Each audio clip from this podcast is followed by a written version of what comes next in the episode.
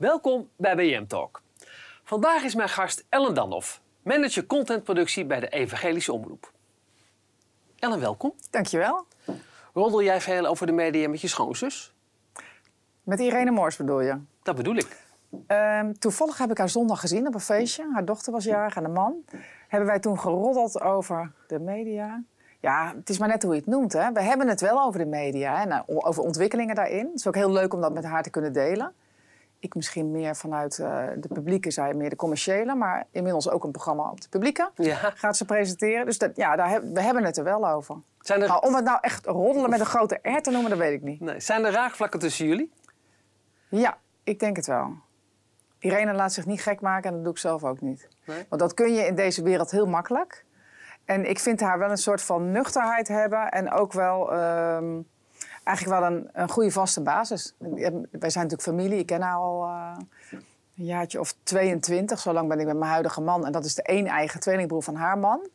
En ik zie bij haar ook wel dat ze gewoon eh, gezin belangrijk vindt, kinderen, een hele hechte vriendengroep heeft, vriendinnengroep heeft. En dat ze daar gewoon veel uithaalt in het leven. En dat werk natuurlijk ook super belangrijk is. En zij heeft natuurlijk ontzettend hard gewerkt ook, altijd. En nog steeds. Maar eh, zij is niet haar werk. Nee. En dat wil ik zelf eigenlijk ook niet zijn. Ook al maak ik ook heel veel uren in de week.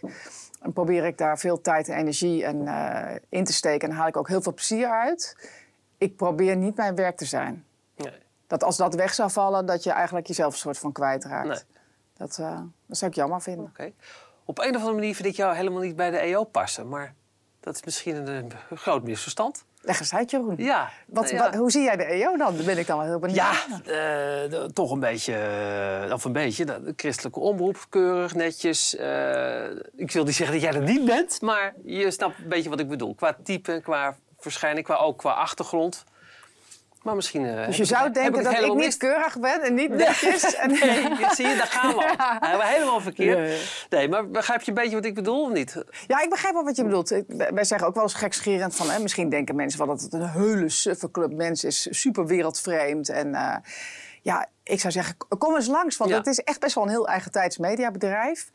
Ehm, omdat wij geloven. Ik ben zelf inderdaad ook gelovig. Ehm, ja, dat wil niet zeggen dat je er een saai leven op, eh, op na hoeft te Nee. houden. Ehm, ik vind het wel iets heel waardevols. En ik vind het ook wel goed dat wij eh, daar echt wel naar kijken. Stel dat we zouden zeggen van ja, maar iedereen die hier werkt, je hoeft echt niet gelovig te zijn om dit werk te kunnen doen. Dan loopt ook een soort van kennis weg en een soort van vaste waarde van waaruit wij die programma's willen Ja. maken. En die programma's willen we wel voor een zo breed mogelijk publiek maken. Dus niet alleen maar voor christenen of eh, mensen die gelovig zijn of dat per se moeten worden, helemaal niet. Maar ja, wel vanuit die vaste basis die we zelf eh, hebben of eh, ja, waar, waar we in geloven. Ja. Die veelkleurige God, Nou. een liefdevolle God. En die liefde willen we graag delen met heel veel mensen. Hoe ben je zo in die mediewereld beland? Nou, dat is een goede vraag. Ik zat op de school van journalistiek en toen was er een docent, Kees Stukken, en die zei: Jongens, jullie kunnen niet allemaal televisie kiezen. hè, Want eh, de een raakt als al- oorlogsjournalist aan de drank en gescheiden en allemaal ellende. En ik heb ook geen tijd voor allemaal gesprekken met jullie. Ehm, dus alsjeblieft niet allemaal. Nou, ik had, ik had zo'n televisiegroepje gehad en dat was samenwerken. En die kwam niet opdagen en die had wat anders te doen.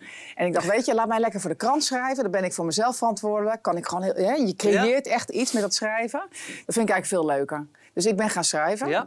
En ik heb, eh, ik heb veel medische Waarvoor? verhalen eh, gemaakt. Ik heb één jaar HBOV gedaan, verpleegkunde. Totdat ik de zoveelste decubitus bil invreef. Zo'n doorlichtplek. En ik keek zo vies toen ik mijn handen waste in de spiegel. Dat ik dacht, Ella, dit is niet jouw roeping. Dit moet je gewoon niet gaan doen.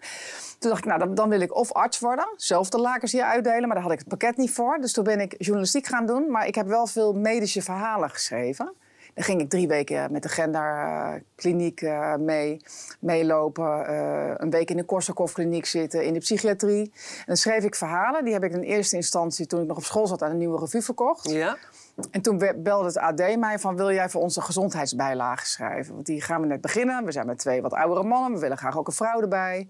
En ik schreef daar toen, nou ja, toen kon je nog anderhalve krantenpagina schrijven over mannen met anorexia. Nou ja, die participeren in de journalistieke verhalen. En René Stokvis, die las die verhalen. Die had een groot productiebedrijf, Ja. de Markt in Lara. Veel medische programma's. En die dacht, het lijkt hier wel een filmscript. En eh, nou, die heeft de krant gebeld voor mijn telefoonnummer. En daar zeiden ze, dat is een freelancer, dus ga maar lekker zelf zoeken. Dus dat heeft hij laten doen. en toen ben ik met hem in contact gekomen. En eh, we hadden eigenlijk altijd wel... Ja, gewoon die klik die was er meteen wel. En hij deed toen echt nog eindredactie van die medische series... waarvan je achteraf denkt, je had toen al zo'n groot bedrijf. Waarom deed je dat eigenlijk nog? Ja. Maar dat vond hij gewoon veel te leuk. Dus toen heb ik een jaar of acht met hem samengewerkt. In het begin nog ook schrijven erbij. Plagiaatzaak René Dijkstra van Vrij Nederland gedaan, Ja. onderzoeksjournalistiek. Maar op een gegeven moment is het gewoon kiezen. Of televisie of eh, voor de krant. Dus toen ben ik eindredactie gaan doen. Veel freelance, dus veel wisselende programma's. Ja. Ik, ik vind trek, eh, schatjes, opvoedprogramma. En uiteindelijk ook eh, een tijdje verslaggeving. Ja. Dus ook meer zeg maar, zelf items maken. En toen vroeg de EO van wil je hier een afdeling leiden? Dat was de jongerenafdeling. Veel Nederland 3 programma's. En dat is natuurlijk niet een klus of iets wat je freelance kan doen. Dat moet je wel echt voor langere tijd doen. Ja. Dus dat, eh, daar heb ik toen ja tegen gezegd. Dat heb je toen tussen 2010 en 2015 ongeveer Nou, gedaan. volgens bent echt supergoed geïnformeerd. Ja, Ja, ja, tuurlijk. Ja, dat was 2010, Ja, 2015. Dus toen, toen zat je ook al even bij de EO. Ja. En, maar daar ben je uiteindelijk weer weggegaan. Ja, klopt. Want? Nou, ik had eh, daar vijf jaar gezeten. Eerst de jongerenafdeling gedaan. Daarna ook wel eh, grote eh, producties met, met steeds wisselende teams. En toen na een jaar of vijf had ik het idee dat ik een beetje uitgeleerd was. Dan wilde ik wel weer verder. En toen kwamen René Stokvis en ik elkaar weer tegen. Ja. En toen vatten we het plan op om samen een productiebedrijf te starten. L&D Media. Want ik dacht van, nou, ik ben geen scheiterd. Ik durf best eh dieper in te springen. Maar ik weet ook wel dat de markt niet super makkelijk is. Nou, als jij eh, interesse hebt om ook eh, daarin te stappen... Ja. Dan, en we kennen elkaar goed... dan ben ik wel bereid om daar een vaste baan voor op te zeggen. Dus dat heb ik toen gedaan. En toen zijn we er begonnen, in Laren. Een We paar, hebben- gewoon een paar mooie producties gemaakt. Ja, Ja? we hebben twee docs Schaduw van de Ramp. Ja. 15 jaar na 9-11. Ja. Toevallig is die eh, een paar weken geleden weer opnieuw uitgezonden op NPO 2. Dat, dat was Ja. dus eh, met een aantal Nederlanders terugblikken op die dag. Dezelfde route lopend als dat ze destijds gelopen hebben. Roel van Dalen heeft die film gemaakt. Goeie maker ook. Ja. Nee, dat was heel mooi om te doen. En we hebben eh, 50 rokers opgesloten Ja. in de oude Dus kazerne. stoppen, dat, eh dat crossmediale programma. Ja. Ja, dus eh, met elkaar in de kazerne, één meter de bedjes van elkaar af. Qua privacy niet van deze tijd, Nee. maar heel verbindend. En ook heel crossmediaal, want Ja. dat hebben we met eh, de persgroep samen gedaan. Ja. Die hebben eh, 15 pagina grote interviews daarover geschreven. We hadden elke avond een online item eh, voor Zorg.nu, Afrotros. Een itempje in Pauw. En aan het eind had uh, Ivonie met de tv-show een compilatie... met een verwijzing naar een live show op NPO Start. Ja. Die Janneke presenteerde. En waar we door de lead-in van Ivo bij, bijna 300.000 kijkers, geloof ik, hadden. Ja. Dus heel leuk, met allerlei touw, ja, crossmediale touwtjes aan elkaar geknoopt. En, eh, En de blog op eh, broadcastmagazine.nl. ja, ik heb Ook toen inderdaad nog een dagboekje bijgehouden. Dus het was niet alsof we niks nee, te doen hadden daar. nee, Maar toch nee, even eh, typen elke dag was hartstikke leuk. Maar, maar toch ehm, eh, ook, daar weer mee gestopt. Wat, was het gewoon toch te lastig om, om, als, om, om als producent aan de bak te, te, te komen? Nou, kijk, ik denk uiteindelijk is, is, de conclusie wel... als je een kleine producent Ja. bent, het is best wel lastig. Ik denk, om, om tegenwoordig goed uh, te kunnen overleven... moet je volgens mij wel een grote producent zijn... met een internationale uh, formatbibliotheek. Je ziet natuurlijk ook dat veel producenten nu wel aandeelhouders... vaak buitenlandse aandeelhouders hebben. Op een enkeling uh, daar gelaten. Maar dat was wel een beetje de conclusie. Want het, is, het, het gaat niet altijd over de beste formats die uh, boven komen draaien. Het is soms ook van wie is er net aan de beurt. Of hè, dan, dan wil iemand anders net iets ja, waar ook gewoon grote belangen omheen hangen. En die belangen die snapte ik altijd wel. Dus Ja. ik, ik, ik kan wel goed relativeren. Dus denk, oké, dit niks. Uh, nou, dan gaan we weer door met het volgende. Maar ik vond wel dat je inderdaad veel... Uh, een beetje wel dat leuren. En dan uiteindelijk, als het dan niet altijd gaat over waar het daadwerkelijk om gaat dan denk ik, ja, dan is het ook pitchen tegen de bierkaai op. Uh, dan zit ik liever gaan bij een zender aan de andere kant van de tafel. En, uh, dus ik had zelf, voor mezelf al zoiets van, Ja, maar dan wil ik wel graag managen bij een omroep. En die banen zijn natuurlijk niet heel dik gezaaid. Maar, maar dat uh, ging dus redelijk eh, vlot, want je zit nu weer bij de EO weer een ja, tijdje. precies. Nou, het, grap, het grappige was dat er net iemand wegging en eh, ik meteen gepolst werd en ik ook zelf daar ook eh, naartoe ben gegaan. Heb gezegd van, nou, het zegt iets over de relatie. Hè, dat jullie mij gevraagd hebben en dat ik eh, meteen kom. Ik wil wel even de tijd nemen om met, met iedereen te praten. En even, ook even een time-out te nemen. Even een paar maanden eh, even niks. Want het Ja. zijn altijd zware banen dit. Dus dan, eh, en dat heb ik ook gedaan. Ja. Maar de conclusie was dat het gewoon een heel mooi pakket was. Met de documentaire afdeling. Ja, wat vertellen. Eh, eh, je bent nu met, met vier managers samen verantwoordelijk voor, de, voor, voor alles, eh, alle content van radio- en televisieprogramma's en online eh, bij, de, bij de EO. Jullie, en hoe is die, eh, met, dus dat doen jullie met z'n vieren, met z'n Ja, vijven? Bertha Stikkelaar, Ja. Jacomien Nijhoff, Hans van der Linden. Er zit de adjunct Jaap Kooi Ja. daarbij, die stuurt ons aan. En daarboven één directeur, Dat een is- algemeen directeur, dat is dat Arjan Lok. Ja. Ja, kijk, en die kende En- ik natuurlijk heel goed. Want ik had er eerder gewerkt, niet in deze hoedanigheid, niet in zo'n managementteam. Maar dat was dan ook wel de uitdaging. Ik denk, nou, met die ervaring van een productiebedrijf... en ook even hè, die commerciële wereld verkend te hebben... weer terug naar de omroep. eh, Ja. Toch weer in een, in een andere functie en eh, ook meer politiek natuurlijk. En, eh, nou, ik, ik vond het pakket ook heel mooi. Ja, ik citeer nog even uit het persbericht wat toen werd verspreid. Ja. Ehm, de EO kiest met deze nieuwe contentindeling voor een nieuwe integrale en toekomstbestendige manier van werken. Klinkt heel mooi, maar hoe ziet dat er in de praktijk uit? Nou, kijk, wij hebben het niet meer over eh, tv-programma's of alleen maar titels. Je hebt het echt over content. Hè? Ik heb eh, nu ook een kinderafdeling erbij. Kinderprogramma's, Ja. Checkpoint, Hip voor Nop, Top Docs hebben wij. Maar je ziet daar ook wel... eh, lineaire kijktijd, met name bij kinderen, Ja. gaat best wel hard achteruit. Hè? De- ik denk dat die afdeling wel een beetje voorop loopt. Dan moet je gewoon goed kijken van hoe zet je je content dan weg. Hè? Eh, kortere items, wat krijgen ze op YouTube voorgeserveerd? Eh, hoe doen de commerciële dat? Dus wij zijn met elkaar wel aan het kijken van hoe kunnen wij eh, de programma's die we hebben het best uitserveren. Ja. En dat is soms ook via een podcast of het is een televisieserie op NPO 2 met een podcast erbij waarin je kruisbestuift of, of naar elkaar verwijst. Ja, We hebben een vrouwenmerk, Eva, Ja. met kleine 30.000 eh, leden voor het magazine, maar ook een grote online community. Wekelijkse nieuwsbrief, maar ook events. Hè? Daar verbind je ook weer die vrouwen die uiteindelijk aan je merk eh, bindt. Dat doen natuurlijk de, de Linda's en de, de Hearst magazines ook wel. Alle andere vrouwenmerken. Ja, het vraagt tegenwoordig gewoon heel veel en gewoon een, een heel crossmediale benadering om, eh, ja, om, om je aan je bereik te komen. ja. Heb jij je stempel al een beetje kunnen drukken wat dat betreft? Ja, dat denk ik wel. Ja? Of tenminste, samen Ja. met mijn collega's. eh, wij, wij vinden impact ook wel heel belangrijk. Hè, dat vinden ze bij de NPO natuurlijk ook wel. Maar wij kijken ook wel... eh, aan het begin hebben we een startmeeting. Als we bijvoorbeeld... Ik heb veel producentenprogramma's. De Passion, Meer dan Goud, eh, Tigo in de GHB. Ja. Dan kijken we aan het begin, oké, hoe gaan we dit aanvliegen? Waarom maken wij dit programma als EO? Hè. Wat is voor ons de big why? Ehm, hoe sluit dat aan op, eh, op de- op de missie waar wij voor staan?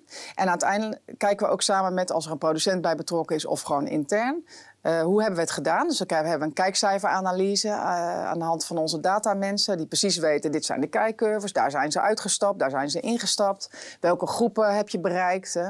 Zijn dat avontuurlijke stadsbewoners of traditionele familiemensen? Ehm, en dan kijken we ook, wat zijn de aanbevelingen?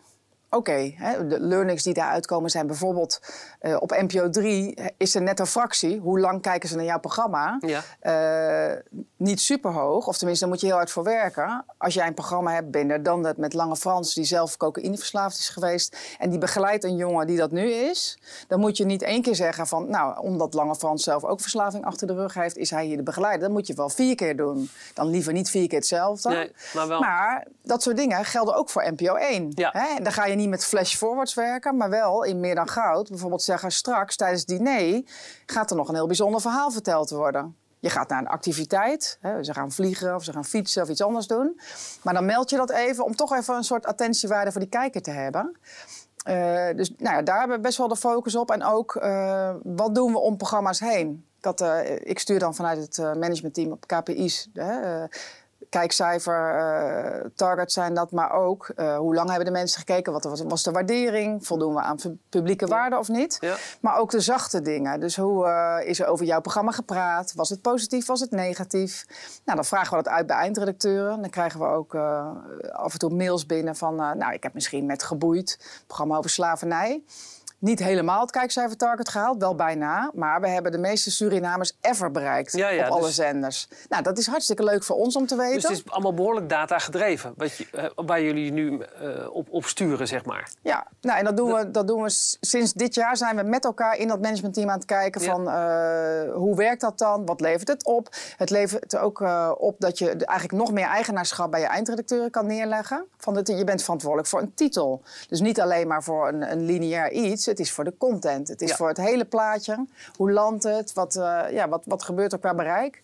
Kinderprogramma's hebben wij. ehm, Anti-Pestclub. Nou, dan zie je lineair is, het, eh, is de laatste serie wat minder bekeken. Maar we hebben daar een game aan vast eh, gekoppeld. En die is in de klasse enorm goed bekeken. Nou, als je dan telt hoeveel kinderen daar naar kijken en ook in klasverband... dan is dat bereik weer behoorlijk fors. En dat Ja. delen we dan weer met de netmanager. Ja. Wat, wat, wat mist de EO nog, vind jij? Wat, waar, waar, waar schieten jullie nog tekort? Nou, wij zaten laatst te denken, eh, het is best ingewikkeld om aan goed personeel te komen. Millennials hebben sowieso al wel zoiets van... ik vind het leuk om ergens te werken, maar ik wil ook wel om de zoveel jaar wisselen. En Ja. Ik wil ook wel in een eh, lijn eh, behoorlijk hard omhoog. Als dat niet gaat, dan, dan misschien ook. Die hebben niet zoveel behoefte aan eh, vastigheid. Soms misschien ook wel, maar hè, ook juist aan afwisseling en uitdagend werk. Hoe hou je die mensen vast? En bij ons is het natuurlijk ook omdat wij willen vanuit die waarden werken, hè, die christelijke waarden. Is het helemaal van eh, hoe zorg je dat je goede media Ja. professionals hebt die ook nog ons gedachtegoed Ja, omarmen en eh Ja, is hè, dat daar vanuit willen werken. Nou, dan, dan verklein je de pool wel iets. Wat niet wil zeggen dat iedereen die bij ons werkt ehm, eh, dat helemaal onderschrijft. We hebben ook een productiehuis voor wat tijdelijke medewerker, medewerkers. Die zeggen, ik respecteer het wel, ik onderschrijf het niet. Maar uiteindelijk is, het, is dat wel belangrijk. Dus je, ja. je hebt een iets kleinere pool. En datzelfde geldt denk ik ook voor de gezichten. En dat geldt helemaal niet alleen voor ons alleen als EO, maar voor alle omroepen wel. Er, wordt natuurlijk, d- er is relatief weinig ruimte voor talentontwikkeling. Ja. Qua gezichten om echt door te ontwikkelen, te oefenen. Te, hè. Je Ja, moet bijna al heel wat zijn, wil jij de zender op kunnen. Dus dat is ook best een uitdaging. Kun jij ei wel een beetje kwijt in Hilversum? Want ik, jij bent volgens mij best ongeduldig. Ja, waarom denk je nou, dat? gewoon dat zoals je bent en zoals je doet. Je wil altijd gauw dingen voor elkaar krijgen. En dat is in Hilversum Ja, dat klopt wel. natuurlijk best lastig. Ja, ik, ik vind dat eigenlijk wel meevallen. vrij processen toch vaak. Nou ja, weet je, je, je moet hard werken om. om eh, maar, maar, hè, eh, het pitchen van eh, nieuwe voorstellen ligt bij, bij collega's van mij. Je moet goed kunnen relativeren. Want Ja. het is niet altijd dat je ergens met tien voorstellen heen gaat en alles weer verzilverd krijgt. Maar er zitten genoeg successen tussen. Hè? En programma's waar we blij van worden, waar we trots op Ja. zijn, waar we mooie reacties op, op krijgen. En wij willen ook wel een beetje het zout in de pap onderscheidend zijn als EO. Ja. Hè? Onderscheidend, eh, bevlogen, eh, ons werk kunnen doen, maar dat ook laten uitstralen in de programma's. En ik denk dat we daar eh, wel voldoende gelegenheid voor hebben bij de EO. Het is niet saai. Hè? Nee. politieke werkelijkheid verandert ook. Ja. Er is veel gaande. Maar dat maakt ook dat wij continu moeten, daarop moeten acteren. Ja. Hè? En dat vind ik juist wel leuk. We, we hebben nu met Eva bijvoorbeeld dat vrouwenmerk. Je ziet bij alle vrouwenbladen dat de oplagen zo wat dalen. De community groeit enorm online. Maar hoe zorg je dat je dan... eh, nou ja, dat je, dat je abonnee-aantallen wel op peil blijven. Hè, dat het wel winstgevend blijft. Hoe zorg je dat eh, mensen die daaraan werken eigenaarschap hebben. En Ja. ook denken, "Goh, wij gaan ervoor dat we met z'n allen... Hè, ondanks dat de trend dalend is in de hele vrouwenmarkt... dat we toch eh, dat schip gaan keren of in ieder geval eh, stabiel houden. Uitzoeken hoe je dat kan doen, ook, ook zakelijk gezien. Dat, dat vind ik ook wel heel uitdagend. Ja. Dus naast het hele inhoudelijke, dat erbij... en binnen een MT met elkaar kijken hoe je die uitdaging het hoofd biedt... dat geeft me ook wel energie. Dus ik ben zeker niet verveeld. En ik En vind ook niet dat het te langzaam blijf je nog gaat. zo wel zitten. Dus. Ja. Ja. Ja. Je hebt het goed naar je zin. Nou, Ja, heel veel succes Ellen bij alles wat je nog gaat ondernemen. dankjewel. Oké, fijn dat je de gast was. Ja. Tot zover BM Talk. Mijn volgende gast is voor u een vraag. En voor mij nog veel meer. Tot de volgende keer.